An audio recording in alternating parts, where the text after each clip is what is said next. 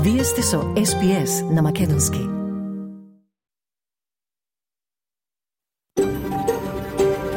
SBS, a world of difference. You're with SBS Macedonian on mobile, online, and on radio. Вие сте со SPS на Македонски на мобилен, преку интернет и на радио.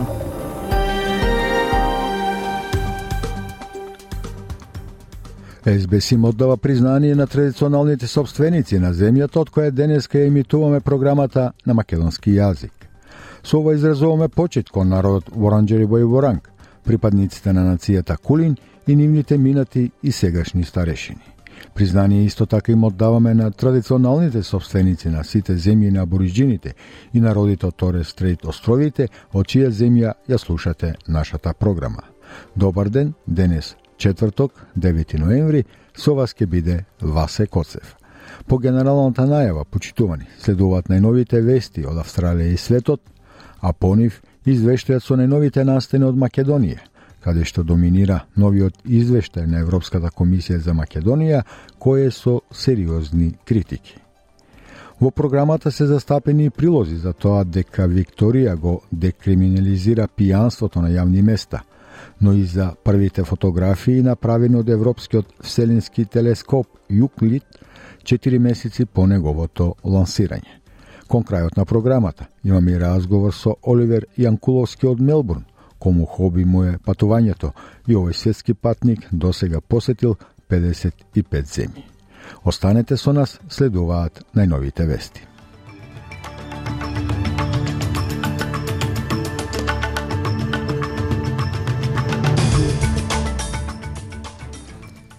Од денешниот билтен вести издвојуваме.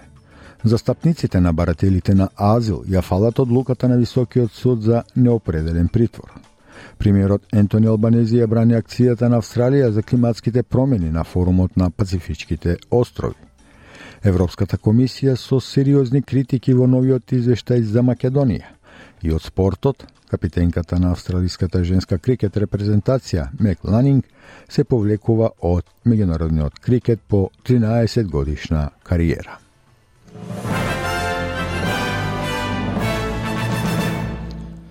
Застапниците на барателите на Азел, ја пофалија пресудата на Високиот суд дека неопределено имиграцијскиот притвор е незаконски, со што ја нарушува контраверзната политика што се користи во последните две децении. Мнозинството суди на Високиот суд ја поништија пресудата од 2004 година, според која неуспешните баратели на азил кои не можеа да бидат одселени во друга земја, може законски да бидат задржани во неопределен притвор. Одлуката кој доаѓа во случај на притворениот Рохинџа од Мјанмар, откако неговите адвокати тврдеа дека неговото барање за азил е погрешно одлучено, може да доведе до ослободување на 90 лица кои се држат во слична притворска ситуација. Извршниот директор од ресурсниот центар за баратели на азил, Кон Карапанагугетидис, вели дека мисли дека пресудата исто така ќе доведе до барање за компензација за луѓето кои биле незаконски приведени. One, on the fact that the government was indefinitely detaining people with no prospect of removal in breach of the Constitution and the separation of powers.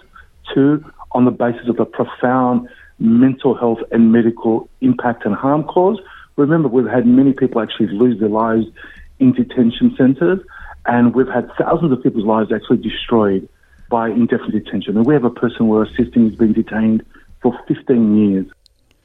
Клиентите по година од прекинот на Оптус се повикани да подигнат барања за компензација откако владата објави дека ќе преземе преглед по инцидентот. Надзорот за телекомуникации ги повикува малите бизниси да стапат во контакт со Оптус поради изгубената трговија предизвикана од дефектот на, мрежи, на мрежните системи за кои беа потребни повеќе од 12 часа за да се реши. Повеќе од 10 милиони клиенти и бизниси на Оптус беа погодени во средата, откако мрежата се откажа околу 4 часот наутро, спречувајќи ги луѓето да се поврзат на интернет или да остварат или примат повици, вклучително и фиксните повици до 000.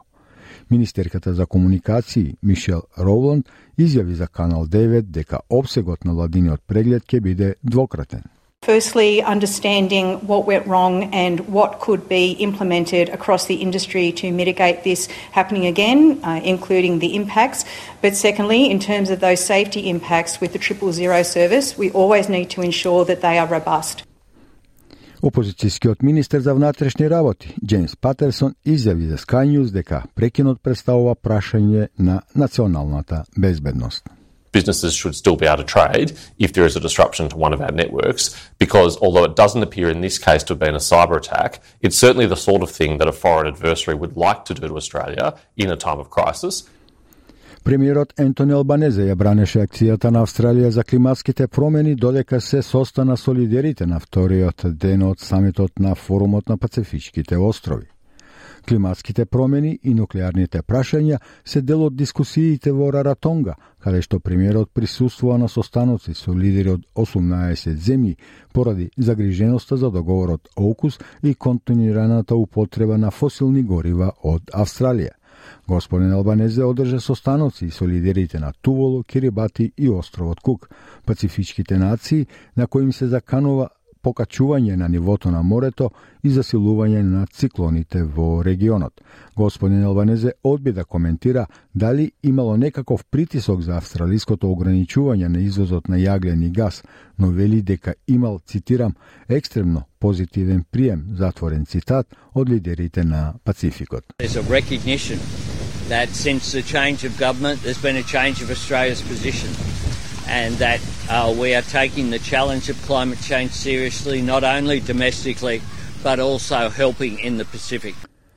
Министер на федералната влада повика на смиреност, откако бродограделиштето во Мелбурн беше принудено да ја прекине работата, откако пропалестинска група протестираше против израелската бродска линија и ги блокираше незините влезови. Министерката за рано образование Ен Али рече дека луѓето треба да внимаваат на кумулативната траума што ја доживуваат австралијците со роднините во Газа, но рече дека е важно да не се разгоруваат тензиите во Австралија. Демонстрациите се поврзани со групата Синдикалци за Палестина, која на своите социјални мрежи соопшти дека планира да се соберат во Порт Ботани денес, при што премиерот на Нов Јужен Велс Крис Минс ги предупреди оние кои учествуваат за последиците од нарушувањето на законите за трговија. Dr. Ali izjavi Kanal 9 deka je važno protestite da ostanat mirni. I met yesterday with the Islamic leadership, and I met also yesterday with uh, the uh, members of the Jewish community. And for both of those communities, emotions are really running high and tensions are really running high. I think we have to be really mindful of everything that we do, that it doesn't inflame the situation. Високиот комесаријат за човекови права на Обединетите нации соопшти дека и Израел и Хамас извршиле војни злосторства во конфликтот на Блискиот Исток. Шефот за човекови права на Обединетите нации Волкер Турк вели дека земање заложници и нападите од Хамас на 7 октомври биле, цитирам, гнасни, затворен цитат, и ја опиша присилната евакуација и бомбардирањето на цивилите во Газа од страна на Израел како, цитирам, колективна казна. Израел вети дека ќе го уништи Хамас по нападите на групата врз Јужен Израел, ударот на газа од воздух, наметнувањето обсада и започнувањето копнена инвазија, откако милитантите на Хамас убија 1400 луѓе, изедоа повеќе од 240 заложници во нападите на 7 октомври. Министерството за здравство на Хамас во Газа вели дека повеќе од 10.500 луѓе досега се убиени во регионот, од кои околу 40% се деца. Турк вели дека меѓународната заедница мора да избегне двојни стандарди во проценката на нападите на Хамас. They were war crimes, as is the continued holding of hostages. The collective punishment by Israel of Palestinian civilians amounts also to a war crime, as does the unlawful, forcible evacuation of civilians. The massive bombardments by Israel have killed, maimed, and injured, in particular, women and children. Македонија ги продолжува напорите за јакнење на демократијата, иако се соочува со значајни предизвици во областа на владењето на правото. Со ова реченица започнува неновиот извештај за напредокот на Македонија од Европската комисија, презентиран вчера во Брисел од страна на председателката на комисијата Урсула фон дер Лајен и еврокомесарот за проширување Оливер Вархеи. Во извештајот Македонија најмногу забелешки доби во делот на правосудството, но не помалку забелешки има и во делот на собранието, особено за политичката поларизираност, при што се наведува дека тој ја нарушува неговата работа. Се бара исто така и поголем консензус меѓу главните политички партии за пристапните преговори во земјата. Господин Вархеј, презентирајќи го извештајот пред Комитетот за надворешна политика во Европскиот парламент, упати директна порака до политичките партии во Македонија пренесува телевизија Телма. Parliament and government is committed to launch and achieve as a matter of priority the relevant constitutional changes. We hope all parties will support it to move forward. This is a sovereign decision of North Macedonia and its sovereign commitment, which will further strengthen fundamental rights. На четири млади жени им е доделена стипендија која го слави наследството на починатата австралијска модна дизајнерка Карла Зампати. Фондот од 10.000 долари е посветен на помош на млади жени од ново и новонастанато културно и јазично различно потекло. Синот на Карла Зампати и главен извршен директор на Карла Зампати Лимитед, Александар Шуман, вели дека целта на стипендијата е да ги поттикне различните млади жени да им прокосат на шансите.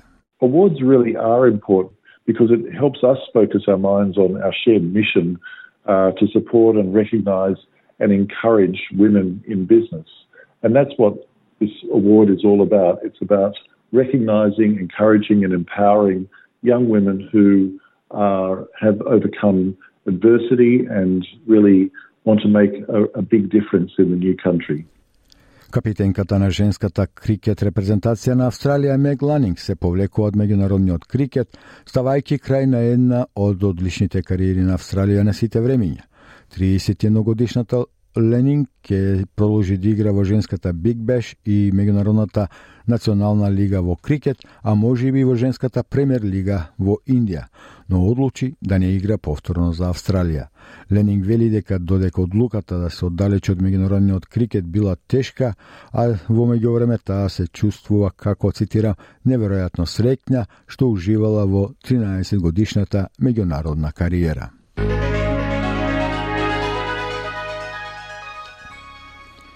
Од најновата курсна листа денеска еден австралијски долар се менува за 0,60 евра, 0,64 американски долари и 36,69 македонски денари, додека еден американски долар се менува за 57,2 македонски денари, а 1 евро за 60,98 македонски денари и временската прогноза за поголемите градови во Австралија утре, петок, 10 ноември.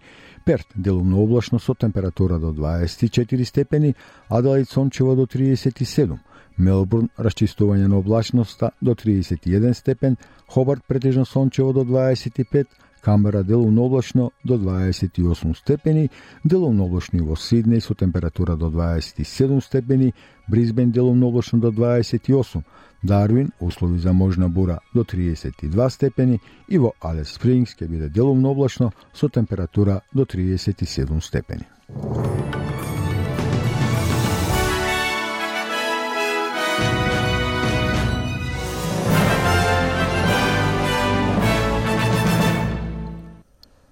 На програмата на македонски јазик на СБС радио ги слушавте најновите вести а денешните вести можете да ги најдете подоцна во текот на денот на нашата Facebook страница SBS Macedonian или на веб страницата sbs.com.eu косацрта Macedonian. Слушате SBS радио, програма на македонски јазик. Денес со вас е Васе Коцев. Следува извештајот од Македонија, подготвено нашиот сработник Милчо Јовановски. Неговиот извештај во поголемиот дел од е задржен на извештајот за Македонија од страна на Европската комисија, кој сепак е со сериозни критики за Македонија, особено се нагласува дека нема напредок во судството и борбата против корупцијата и злоупотребата на европското знаменце. Евроамбасадорот Девид Гир му го презентира извештајот на Европската комисија на председателот Пендаровски, на вице-премиерот за европски прашања Бојан Маричич и на председателот на парламентот Талал Джафери. А во извештајот ќе ги слушнете и првите реакции од политичките партии. Сето тоа го подготви нашиот сработник Милчо Јовановски. Македонија ги продолжува напорите за јакнење на демократијата, иако се сочува со значајни предизвици во областа на владењето на правото. Со ова реченица започнува најновиот извештај за напредокот на Македонија од Европската комисија, презентиран вчера во Брисел од страна на председателката на комисијата Урсула фон дер Лајен и еврокомесарот за проширување Оливер Вархеј. Во извештајот, Македонија најмногу забелешки доби во делот на правосудството, но не помалку забелешки има во делот на собранието, особено за политичката поларизираност, при што се наведува дека тоа ја нарушува неговата работа.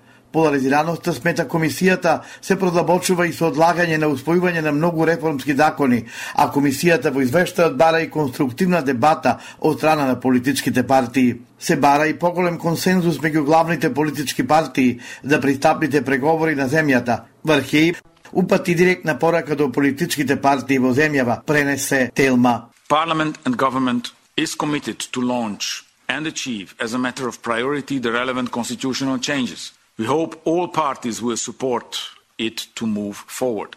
This is a sovereign decision of North Macedonia and its sovereign commitment, which will further strengthen fundamental rights. Македонија во најновиот извештај за напредок е умерено подготвена за реформа на јавната администрација со ограничен напредок во носењето на реформската стратегија, а дотни носењето на клучните закони во оваа област, стои во годишниот извештај на Европската комисија за Македонија. На земите Западен Балкан им даваме можност за порана интеграција во ЕУ, пред тие де факто да се приклучат кон неа, нагласи Вархеи во Брисел.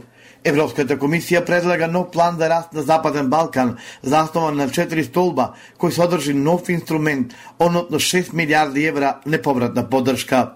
Како што појасни Вархеј, Унијата сака партнерите од Западен Балкан што поскоро да се интегрираат во четирите столба на ЕУ, непречено движење на стоки, луѓе, услуги и капитал. With this plan we can help the region to raise at least another third of its of its uh, GDP altogether from the common regional market, from our financial contributions, we think that we can really boost the region. A boost that they need and the boost that we need as well. Европската Унија треба да се стреми кон пет конкретни чекори, доколку сака своите збороби за солидарност кон Западен Балкан да ги усогласи со акции. Ова во очи на објавувањето на извештаите на Европската комисија за напредокот на земите кандидатки за членство на социјалните мрежи, го објави сојузната министерка за ЕУ и Устав на Австрија Каролина Едштадлер. Меѓу петте точки на кои австриската министерка смета дека ЕУ треба да се фокусира е одржувањето меѓу владини конференции со Македонија и Албанија на почетокот на 2024 Поред неа, Унијата треба да постави конкретни целни датуми за пристапување за секој од шесте земји на Западен Балкан по изборот на новиот состав на Европската комисија. Ниту еден од овие чекори нема да ги поштеди овие земји од исполнувањето на сите критериуми за пристапување пред евентуалното членство во ЕУ. Сепак во оваа фаза е време ЕУ да го преземе водството и да обезбеди вистински докази дека продолжуваме да бидеме сериозни во однос на ЕУ перспективата на регионот, пишува австриската министерка. Евроамбасадорот Дейвид Гир му го презентираше во Скопје на председател Стево Пендаровски извештај на Европската комисија за напредокот на Македонија за 2023 година. Извештајот кој го нотира сработеното од првата фаза за почеток на преговорите со скринингот прикажува и детална слика за состојбите во македонското општество, а дава патока за натамошната работа на институциите, како и областите во кои треба да посветиме внимание, објави председател Пендаровски на Фейсбук. Евроамбасадорот Гил предходно им го врача извештајот на Европската комисија и на председател на Собранието Талат Джафери и на вице-премиерот за европски прашања Бујан Маричич. По повод објавувањето на извештајот на Европската комисија за напредокот на Македонија, Мари Чичигир ќе одржат пресконференција во медија центарот на владата. Политичката поларизација и блокирањето на парламентот се главните забелешки во извештајот на Европската комисија. Ова е првичната реакција на министерот за надворешни работи Бујар Османи, кој како виновни за тоа ја посочи опозицијата, која како што рече на пресконференција ја блокирала работата на парламентот во донесувањето законски и реформски решенија. Тоа не е само до владата, туку и до тие од опозицијата кои што го блокираат со години парламентот, преку филибастеринг само заради некој ситен партиско-политички дневен интерес и не дозволува да се донесат законски решенија кои што се важни, но се разбира и евентуални слабости кои што може да се детектира дали е тоа во судството, дали е тоа во другите институции за кои што пак ќе кажам единствен начин е секој од нас да се бориме да ги отвориме поглавијата бидејќи нема подобра борба против корупцијата освен отварање на поглавија 23 и 24. Извештал на Европската комисија е доказ дека лажни се изјавите на власта на СДС и ДУИ дека се фокусирани на европската агенда, рече на пресконференција портпаролката на ВМРО ДПМН Марија Митева. Извештајот јасно наведува дека корупцијата останува распространата во многу области и е загрижувачко прашање. Најважното од делот за економските критериуми се јавните набавки каде се забележува дека властите треба да воведат поефикасни антикорупцијски мерки во текот на целиот циклус на набавки. Најскандалозниот договор, кој економски ќе остави трајни последици врз Македонија, е нотиран јасно и прецизно. Дозволете ми повторно да цитирам. Директното доделување на договорот за изградба на коридорот 8 и 10Д предизвикува загриженост, бидејќи го ослободува проектот од примена на Законот за јавни набавки. ДПМН е заедно со Левица се единствените антиевропски партии, кои се најголемите кочничари на европскиот пат на земјата, рече на пред Богданка Кузевска, портпарол на СДСМ.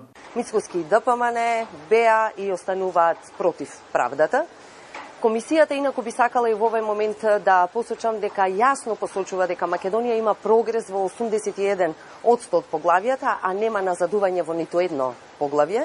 Дополнително 90 од од поглавијата се со соодветно ниво на подготвеност.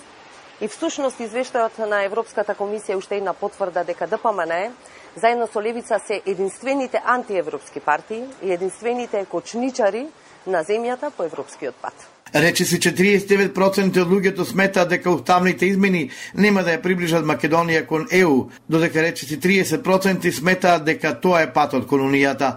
Во однос на тоа дали Македонија треба да го прифати условот за промена на уставот за да продолжат преговорите со ЕУ, 49,2% од испитаниците одговориле не. Позитивно одговориле 26, а одговор нема 20,3%. Никој не може да ги заштити националните интереси во овој момент, сметаат испитаниците. Високи 60% они одговориле дека не можат да ги заштитат националните интереси ниту власта, ниту опозицијата. Оние кои сметаат дека власта тоа го може, се рече си 23, а 17% се свртеле кон опозицијата. Анкетата е изработена по нарачка на Телма на 1200 испитаници по методот лице в лице од 2 до 16 октомври од агенцијата Стратум. Политичките партии кои се застапени во собранието имаат можност до нова година да си најдат консензус во однос на двата термини за избори, имајќи предвид дека тоа се председателски и парламентарни избори во една година, рече председателот на собранието Тала Џафери. По тој датум рече дека тој ќе ги распише изборите. Во синодалниот акт на Вселенската патриаршија има уклоување за името на Македонската православна црква Охридска архиепископија за име за сепкупна употреба, кој нема да го содржи зборот Македонија или изведен као него. И она што бараат да нема да дозволиме е јурисдикцијата да ни биде само во политичките граници на државата, кои се во моментот, а не во диаспората рече во интервју за ТВ24 владиката Петар, митрополит Преспанско-Пелагониски. Ерга омнес, само Охридска архиепископија, секаде да употребуваме, да се обезличиме. Исто така да не го спомнуваме името во никој контекст, Македонија, Македонско и било како изведен као него, и да ја дајме диаспората. Од тоа ништо не е прифатливо за сиот македонски народ, за свештенството наше, за монаштвото, освен за предавниците. Председател на владата Димитар Ковачевски ќе биде во работна посета на Париз, каде што ќе се обрати на 42-та генерална конференција на УНЕСКО, соопшти владината преслужба. На официјалната посета на УНЕСКО, Ковачевски ќе биде пречекан од Одре Азуле, генерална директорка на Организацијата за образование, наука и култура на Обединетите нации. Во рамките на посетата, премиерот Ковачевски заедно со повеќе шефови на држави и влади, лидери на меѓународни организации, влијателни личности од меѓународниот бизнис, од граѓански организации, од академската земница, ќе присуствува на отпорањето на шестиот Париски мировен форум. Во рамки на форумот, премиерот Ковачевски придружувано со сопругата Елена Ковачевска ќе присуствува на вечера организирана од францускиот председател Емануел Макрон и сопругата Брижит Макрон. На програмата на СБС радио на македонски јазик го слушавте извештајот од Македонија денес подготвено нашиот сработник Милчо Јовановски. Овој извештај ќе биде достапнен подоцна во текот на денот на веб страницата sbs.com.eu косацрта Macedonian и на Facebook страницата SBS Macedonian. Секако, таму можете да ги најдете и другите интервјуа, прилози и видеоклипови на разни теми од македонската заедница овде во Австралија. Слушате СБС радио, програма на македонски јазик. Денес со вас е Васе Коцев. Викторија стана најновата австралиска држава која го декриминализираше пијанството на јавно место. Државната влада започнува со нов пристап, а тој пристап го започна а, на Мелбурн Кап на денот но новиот систем веќе и привлече критики дека не е доволно подготвен. Зашто станува збор, ке слушнете во прилогот што за SBS News го подготви Дебора Гроарк. Вие сте со SBS на Македонски. Во 2017 година Тања Деј, жена од Јорта Јорта, почина во регионална викториска полициска станица – Била уапсена затоа што била пијана на јавно место. Умрела откако ја удрила главата во бетонската келија во полициската станица во Каселмайн. Заменик државниот судски вештак Кейтлин Инглиш откри дека незината смрт можело да се спречи, велејќи меѓу другото дека господја Дей не била третирана со хуманост. Јасниот медицински доказ потврдува отчитување на алкохол во крвта од најмалку 3,3 одсто, што значи дека господја Деј требала да биде во болница. There was a culture of complacency regarding intoxicated detainees, and as a person deprived of her liberty, I find that Ms. Day was not treated with humanity. The clear medical evidence is that with a blood alcohol concentration of at least 3.3%, um, Ms. Day should have been in hospital. Владата на Викторија се обврза да го декриминализира јавното пијанство по таа истрага, но тоа беше горчлив момент за семејството. Керката Април Вотсон рече дека Кралската комисија за смртта на абориджините во притвор од 1989 година го препорачала истото неколку децении порано и според неа тоа е одамна задоснето спасува животи и го менува животот. Доколку јавното пијанство беше декриминализирано пред 30 години и беа поставени центри за отрезнување, мајка ми, вели Ейприл Уотсон, ќе беше тука како и многу други абориджини. It's long overdue and it's it's life saving and it's life changing. If the public drunkenness had been decriminalised 30 years ago and the sobering centres were in place, my mum would still be here today and many other Aboriginal people. Промената во Викторија веќе важи од 7 ноември, денот на Мелбурн Кап. Министерката за ментално здравје Ингрид Стит вели дека повеќе нема да ве апсат едноставно затоа што сте пијан на јавно место. So you'll no longer be arrested simply for being drunk in public, but if there are other community safety issues at play, then those are matters for um, Victoria Police to deal with. Наместо тоа, владата воведува здравствен пристап кој ќе им нуди услуги на терен и соби за отрезнување на луѓето во пијана состојба. Министерката вели, тоа значи дека додека ќе има силно полициско присуство на Мелбурн Кап во Флемингтон, традиционално бурен државен празник за илјадници, полицајците ќе ги охрабруваат пијаните луѓе да бараат подршка наместо да ги носат во затворските келии. The, the police will have an additional option to get in touch with the outreach service, um, and that and they will be able to assist uh, with with um, outreach or. Uh, if that person is unable to be assisted to get home safely, uh, one of the sobering centres or places of safety might be an option for that individual. But these are things that are going to be dealt with on a case by case basis. Заедничкото здравје на здравствените услуги во заедницата и меѓу агенциите што ги испорачуваат овие теренски услуги. Заменик извршниот директор Крис Тарнер вели дека одговорот ќе ги промени животите со тоа што ќе понуди спас, а не заклучување во затвор. Тој вели дека имаме посветен тим на здравствени работници кои вклучуваат регистрирани медицински сестри и лекари кои работат со алкохол и дрога. Ако некој ескалира во неговото однесување, имаме персонал обучен за техники на деескалација, а и агресивно би работеле со полицијата во тие сценарија. We have a dedicated team of health outreach workers, which include registered enrolled nurses, and alcohol and drug practitioners. If someone does escalate in their behaviour, we do have staff trained in de-escalation techniques. But if someone is to become uh, if someone is to become violent and aggressive, we would work with police in those scenarios. но одлуката за промена на законот привлече одредени критики бидејќи се одложи воведувањето на здравствените услуги.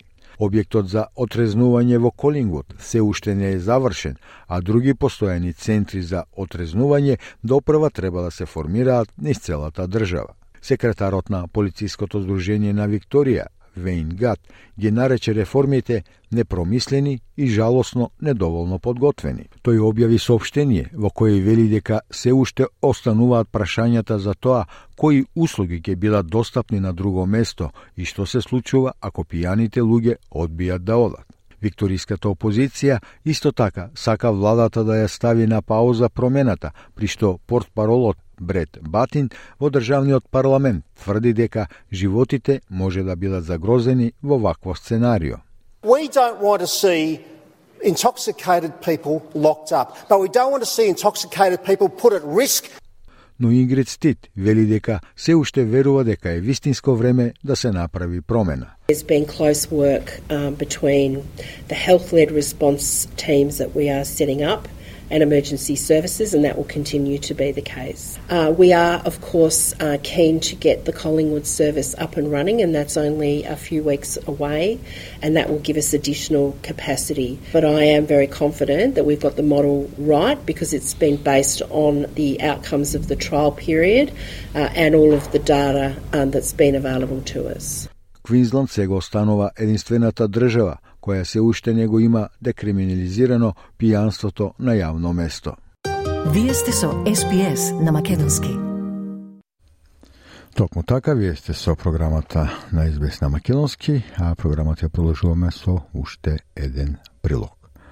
Научниците ги открија првите фотографии направени од Европскиот вселенски телескоп Јуклид 4 месеци по неговото лансирање од Кейп Канаверал. Телескопот ќе ги помине следните 6 години, градејќи ја најсеуфатната тридимензионална слика на космосот до сега. Прилогот за SBS News го подготви Дебора Грорк. 5, 4, 3, 2, 1, ignition, lift Четири месеци по неговото лансирање од Кейп Канаверал во САД, научниците ги открија првите фотографии направени од Европскиот вселенски телескоп Euclid. Сликите откриваат треперлива и неверојатна колекција на галаксии, премногу бројни за бројање, вклучувајќи панорамски поглед на маглината конјска глава. Јоханес Лаурейс е научник од проектот Euclid во Вселенската агенција ESA. Yeah, we have worked very hard to make very nice first science images. Uh, that's because uh, Euclid has uh, very nice, uh, show very nice performances. Exactly what we uh, expected, in fact, and even better at some points. Од агенцијата велат дека иако небесните пейзажи снимени од Јуклид биле забележани предходно од Вселенскиот телескоп Хабл и други, овие снимки обезбедуваат слики со посебна острина, низ голем дел од небото, опфаќајќи простори далеку во далечниот универзум. Сликите опфаќаат четири области на релативно блискиот универзум, вклучувајќи илјада галаксии кои припаѓаат на масивното јато Персе, оддалечено само 240 милиони светлосни години, и повеќе од 100 илјади галаксии распространети во позадината. Мандел вели дека самите бои кажуваат нешто за физиката кодирана во светлината и дека темната материја и темната енергија и физиката што управува со нив се исто така кодирана во облиците, структурите и образците што ќе се видат со сликите додека трае истражувањето. There's just so much rich science and physics to be extracted from these images. And of course, the colours themselves tell us something about the physics encoded in the light, too. So we've got lots of codes to decode uh, as we work through this. But what we also know is that the dark matter and dark energy and the physics that um, govern those are also encoded in the shapes and the structures and the patterns that we will see with these Euclid images as we, we build up the survey. За генералниот директор на ESA, Джосеф Ашбаркер, мисијата не се однесува само на науката, туку дека ова е нов концепт, каде што ќе го користат просторот со цел да се поддржат многу поголеми политички амбиции. Како пример, вели Ашбаркер, вселенскиот простор за зелена иднина, каде што се користат вселенските средства за да и се помогне на Европа да ја декарбонизира економијата. It's a new concept where we use space to the best uh, possibility in order to support much bigger political ambitions. I take the example of uh, Space for a Green Future as, a, as one example where we use the space assets to really help Europe decarbonize the economy. Но за сега, генералниот директор вели дека останува да се гледа напред кон откритијата што допрва доаѓаат. Карол Мандел вели дека крајната цел на телескопот е да испита милиарди галаксии во следните 6 години, создавајќи ја најсеопфатната 3D мапа на космосот досега.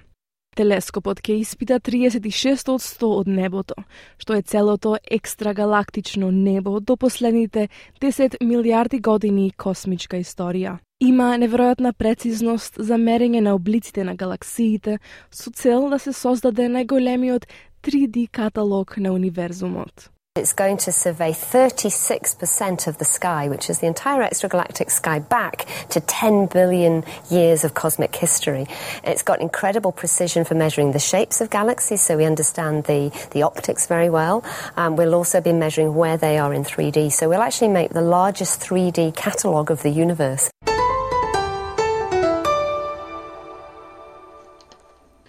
Слушате без радио програма на македонски јазик. Кога доаѓа периодот и времето за годишни одмори, голем број австралици ги поминуваат годишно одморските денови во странство, на плажите во Бали или во музеите низ Европа. Но дали би жртвувале година и пол од вашиот живот да патувате низ земји кои неодамна биле опфатени и со војна, кои се помалку атрактивни за просечните туристи. Токму тоа го стори Оливер Јанкуловски од Мелбурн, а во наредниве минути ќе слушнеме и за неговото искуство за овој светски патник кој има досега посетено 55 земји. Со Оливер Јанкуловски разговара колешката Ана Коталеска.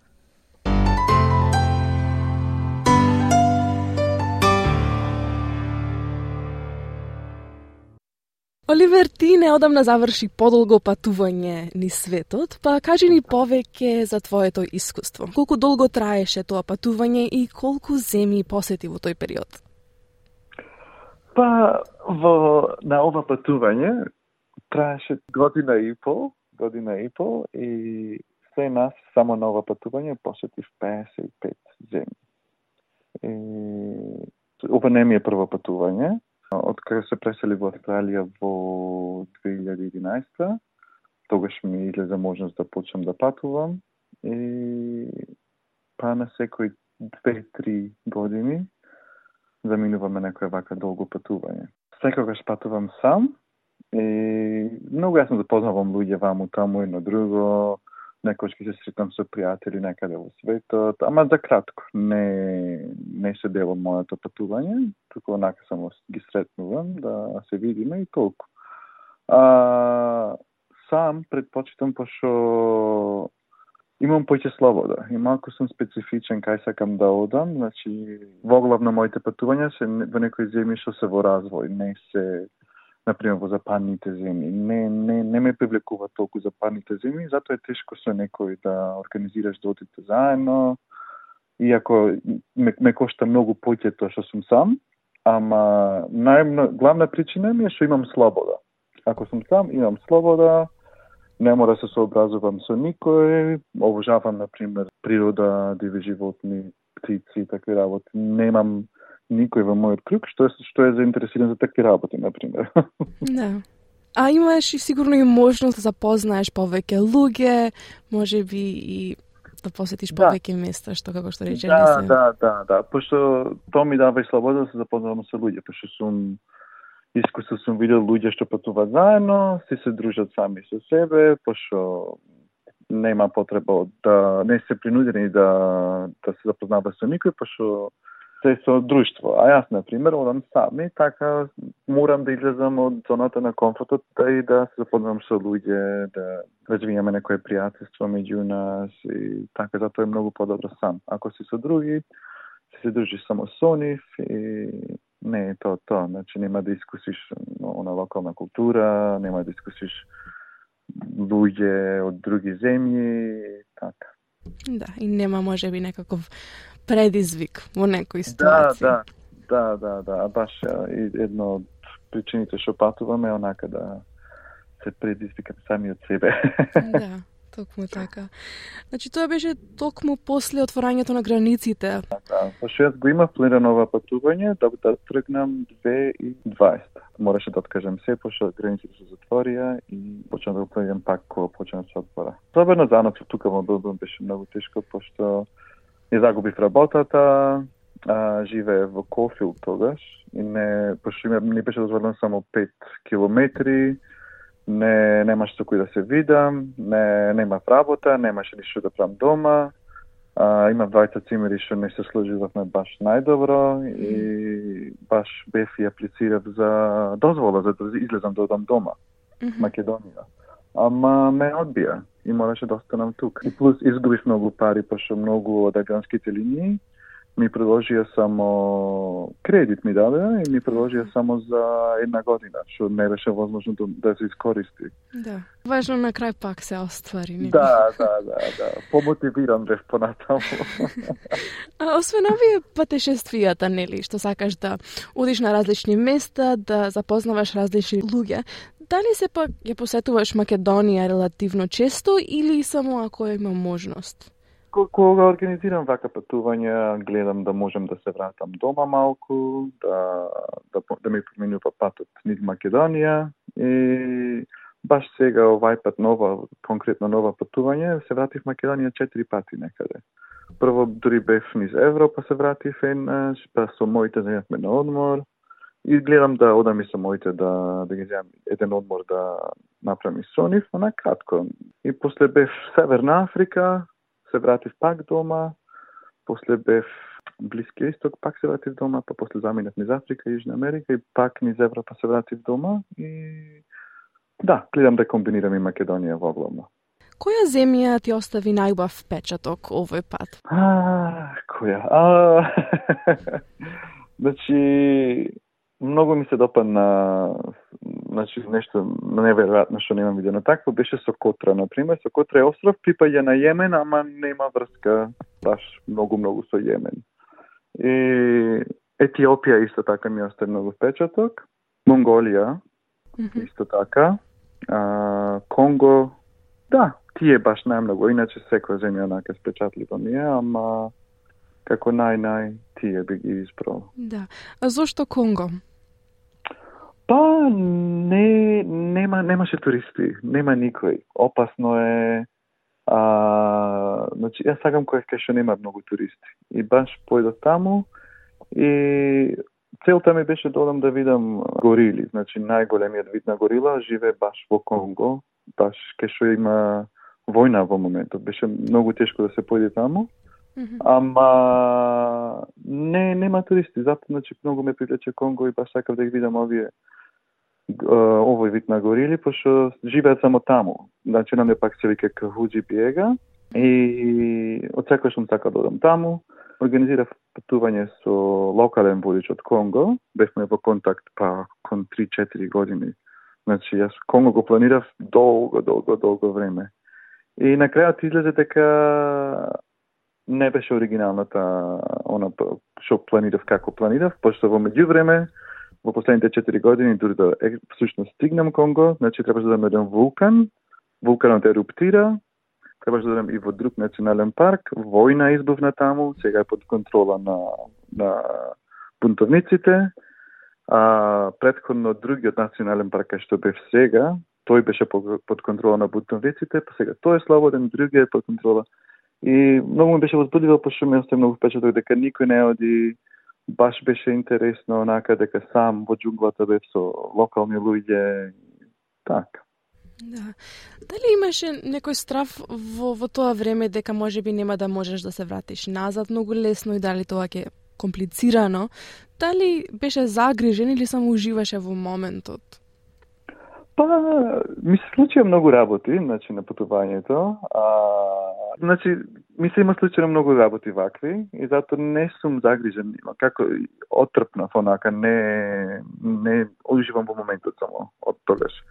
Значи, тоа што ми се случи е во Кенија, а, значи, ми ставија нешто во пијачката и не памтам шо како, ама видов дека се смени бојата на пивото како млечно така добри боја. И тоа престанав да пие. Пак зборував со полицијата ми кажа дека добро што сум се напил само два пати. Тоа што ми заспав, а, не, ми ја ограбија целосно. Значи, останав без воопшто ништо и тогаш баш се јави во амбасадата, не сака да ми помогнат воопшто, австралиската амбасада. Mm -hmm. и, и тоа малку ме разочара. Да. После толку многу работи се случија, воопшто не не се замарам искрено. Ако биди, биди. така. Па да се сврнеме на попозитивно. Дали има некој посебен момент кој ви остави одреден впечаток од ова патување, кој може да го истакнете од нели ова патување? Па да, да, да, имаше многу пријатни впечатоци од се, особено, например, после тоа што се случи во Кенија, наредна дестинација ми беше Етиопија. И луѓето, знаеш, етиопистицијата не е баш сјајна, ама пошто знае за мојата ситуација, многу луѓе ми помогнаа таму, ми помогна и финансиски, па пошто што нема, што нема следено финансиски, многу луѓе ми помогна, ме частија ручици, едно друго, такви работи, значи, онака баш беа хумани кон мене и плюс кој се случи во Кенија, многу луѓе ми помогна и таму, ми даваа телефони, да се јавувам во Австралија, пошто немавме телефон тогаш. А, други посебни моменти, значи во групите кај што бев а, Намибија бев на кампирање во две недели, значи многу се сплотив со друштвото. А, многу специјални моменти со нив. Во Бразил од секогаш сум искусувал специјални моменти. Значи, карнавалот беше нешто прекрасно. Ми беше втор пат за карнавалот. Специјални моменти би ги одвел како луѓе кога она комплетни значи, странци би ти помогнале онака. А, кога пристигнав, например, Казахстан, а, немав, не бе во можност да купам сим картичка и локална девојка една ме ми помогна баш, а, беше 14 бајле. И со не заминавме на автобус и ме однесе до Airbnb, онака, по 4 сабајле. И така, но нај нај најсвежи, нај најинтересни онака впечатоци, нај лабоки впечатоци да речам, а, луѓе што ми помогнале. Други добри впечатоци, пошто обожавам животни, природа, имаше многу животни што сум сакал да ги видам цел живот во живо и баш на ова последно петување, па скоро 90% од животинскиот свет што сум сакал да го видам во светот, веќе Сум го видел во живо, баш ке ше живеат во нивниот дом.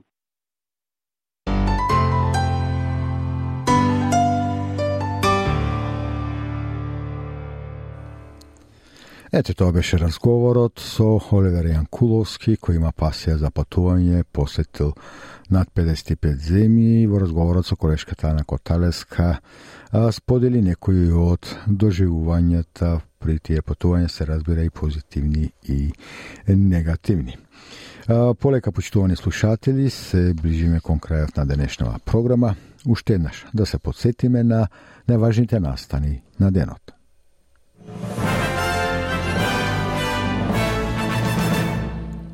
Застапниците на барателите на азил ја фалат одлуката на Високиот суд за неопределен притвор. Премиерот Ендони Албанези ја брани акцијата на Австралија за климатските промени на форумот на Пацифичките острови.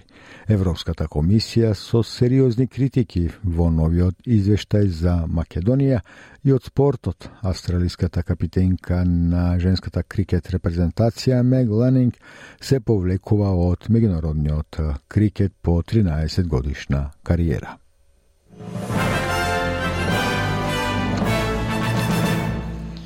И пред да се одјавиме, сообщение од македонската заедница, имено Македонското литературно друштво Кочо Рацин од Мелбурн, вечерва во просториите на библиотеката во Мил Парк со почеток од 9 од 6 часот ќе одржи литературна вечер посветена на ликот и делото на Петре Маандреевски, истакнат поет, раскажувач, драмски писател и есеист.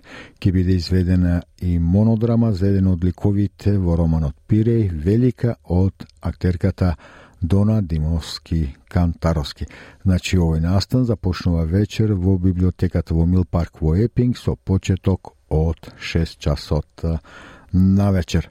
А утре пак во Сиднеј, значи петок, 10 ноември, со почеток во 19 часот во просториите на библиотеката Григор Прличе во Сиднеј ќе содржи промоција на новите дела на поетесата и романсиера Оливера Јовановска ќе бидат промовирани низините најнови дела, четвртата збирка поезија Слушни го срцето и петата поред збирка поезија Време без времено.